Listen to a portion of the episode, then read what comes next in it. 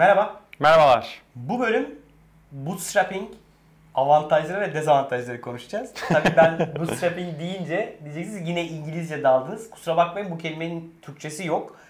Ee, bootstrapping öz sermaye ile büyümek olarak Türkçe'ye çevirebiliriz herhalde. Kendi öz sermayenize, kusura bakmayın ben bootstrap kullanacağım bu bölümde bu arada çünkü öz sermaye demek zor geliyor. Bootstrapping tabii daha Ee, şey. Bootstrap modeliyle bir şirket yönetmenin avantajlarını ve dezavantajlarını ele alacağız. Kesinlikle.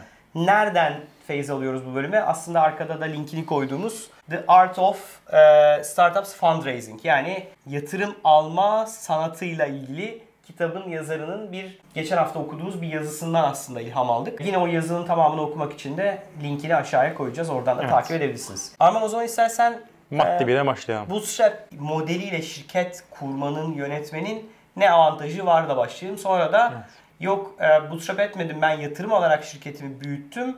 E, onun ne avantajları var? Böyle biraz avantaj dezavantaj diye devam edelim. Okey. İlk Yani madde bas- avantajlara baktığımız zaman aslında şirketin %100'ü size ait kalıyor. en, Yani- güzeli, en güzeli bu zaten. Yani Yani yatırım aldığınızda şirketin bir değer, bir parçasını veriyorsunuz ve aslında bir değerini e, veriyorsunuz Evet. ve ileride bir gün sattığınız zaman yine dediğim gibi hani size kalan değerini satıp parasını alıyorsunuz. O yüzden aslında en büyük avantajların bir tanesi gemi tamamen senin. dükkan senin. Dükkan senin. Dükkan senin. Bu aslında şey, özellikle şeyde görüyorum bunu.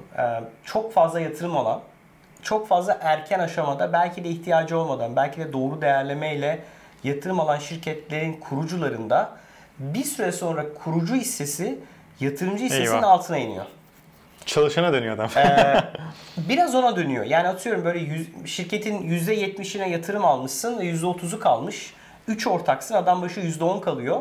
Yatırımcıda senden çok hisse olan şirketlerde benim gördüğüm e, o moral motivasyon, ilk günkü aşk, şevk azalıyor gibi geliyor bana.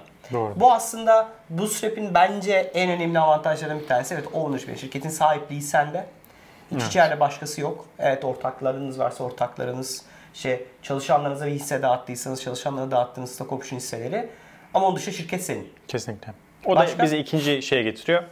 Şirket senin olunca aslında e, şirkete yön verme e, kararları da senin. Evet. Yani sen şirkete istediğin gibi yön kimse istediğin karışmıyor. veriyorsun ve kimse sana karışma durumu yani yok. bu bu da bence evet hani nereden baktığımıza bağlı olarak hem avantaj hem dezavantaj. Birazdan dezavantajları belki bunun Aynen. bir etkisini paylaşacağız. E, neden avantaj bu? E, çünkü doğal olarak şirkete bir yatırımcı aldığınızda bu %5 de olabilir, %20 de olabilir, %10 da olabilir. Masada iki tane rol oturuyor. Sen girişimcisin. Evet şirketin belki %90'ına sahipsin.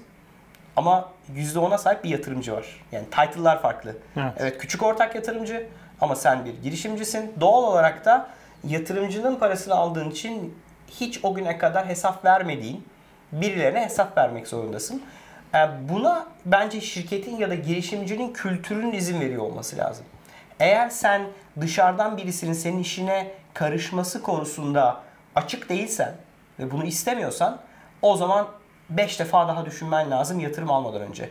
O yüzden Kesinlikle. bu- bootstrap senin için daha doğru bir yöntem olabilir diyebiliriz. Evet ve aynı zamanda e, yatırımcıyı da çok iyi yönetebiliyor olman gerekiyor. Yani çünkü adamla veya adamla yatırımcıyla e, her ay görüşüyorsun, belki her Evet. hafta, belki iki haftada bir her ay görüşüyorsun ve sürekli onun beklentisini yönetmen gerekiyor.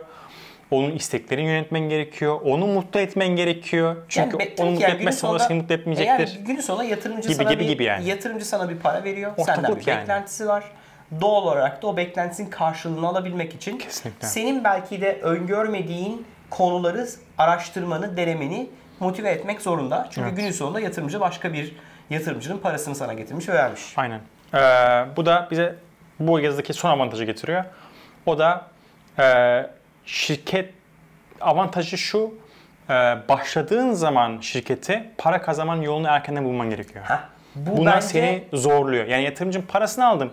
Onu harcarım. iki yıl boyunca kazanmama gerek yok diyemiyorsun. Öyle bir lüksün yok. Öyle bir Şirketi lüksün yok, aynen. gün cebindeki para, sermayen neyse, o yüzden öz sermayeyle büyüme diyoruz. Ee, eğer bir parayla kuramadıysan ya da az bir parayla kurduysan çok hızlı bir şekilde gelir elde etmeye başlamanız lazım. Bootstrap modelinde bunu sağlayamadığında Güzel bir şey o da. Bu aslında bir güzel bir özgürlük. Kesinlikle. Yani ya şöyle kurmuyorsun. Ben eksi EBITDA diyorum. Yani e, zarar eden şirket diye bir yapı var. Çünkü gün sonunda Evet, bir evet. startupsan Aynen. belki 5 sene zarar edeceğin bir iş planıyla yatırımcının karşısına çıkıyorsun ve ona büyümeni daha az zarar edeceğin bir planla veriyorsun. Ama günün sonunda zarar Kesinlikle. edeceğin bir geleceği satıyorsun yatırımcıya. Ama Bootstrap modelinde öyle bir lüksün yok. Aynen. Sen tamamen öz sermayenle kazandığın parayla maaş ödemelisin. İşte altyapı yatırımını yapmalısın. Kendi cebine para almalısın ki şirketini ufak ufak belki de büyük büyük hani uf- Aynen. yani bootstrap'te yavaş büyürsün diye bir şey yok kesinlikle. Çok iyi bootstrap etmiş ve gerçekten çok hızlı büyüyen de bir sürü şirket var. Aynen öyle. Peki dezavantaj olarak ne sayabiliriz? Şimdi dezavantajlar öncelikle e, başarma şansın e, biraz azalıyor. Şöyle zor zamanlar geldiği zaman Evet. bir sıkışıklık, sıkışıklık oldu piyasada beklenmediğin bir e, negatif durum oluştu şirkette e, bir, bir, bir müşterini kaybettin. O durumda yatırım aldıysan daha rahat ayakta durabiliyorken kendi öz sermayenine giderken Evet. bir anda tökezleyebilirsin ve Bu, bu, bu da, çok, bu da da bence var yani. çok kritik bir şey. Çünkü her halükarda yatırımcı yatırım yaptığı şirketin batmaması için destek olmaya devam ediyor. aynen. Ee, Evet belki daha düşük bir değerlemeyle sana para tekrar verebilir, borç verebilir. Bir sürü modelle fonlanmaya devam ediyor. Bu arada Bootstrap'te de bu bir alternatif. Yani Bootstrap yaparken de böyle bir dönemde çıkıp bir yatırım alman bir imkan. Ama yatırım almış bir şirketin takip eden bir turu yapabilme olasılığı tahminen Bootstrap eden tabii nasıl giden bir şirket olduğuna bağlı daha zor olabilir. Aynen. Ee, ikincisi dezavantajı büyüme yatırım almış bir şirket kadar hızlı büyüyemeyebilirsin. Çünkü para yakma lüksün yok. Aynen. Yani Sen bir yeni e, e, bir, yeni kişi al- al- alabiliyorsun şey ekibe. Ama yatırım almış biri 10 kişi bir anda alıp Evet. bir anda daha fazla pazara Neden- saldırma şansına neden sahip. yatırım almalı şirketler sorusunun altında ilk söylediğimiz şey eğer hızlı büyümek ihtiyacın varsa para yakan bir işin varsa yani atıyorum şirketini sen 2 yılda 10 kat büyütebileceğine bugün cebinde Aynen. 1 milyon dolar varken bugün büyütme ihtimalin varsa o zaman yatırım almak avantaj. Ama zaten öyle bir pazar yok. O kadar ben yani bugün cebimde 1 milyon dolarım olsa ne yapacağım ki diyorsan bootstrap etmeye devam et. Yani orada Kesinlikle. gidip bir yatırım alıp kendini başına belaya sokma, yatırımcıyla uğraşma. Ama eğer görüyorsan yani cebinde 1 milyon dolar olduğunda ben 3 kat hızlı büyütebilirim bu şirketi.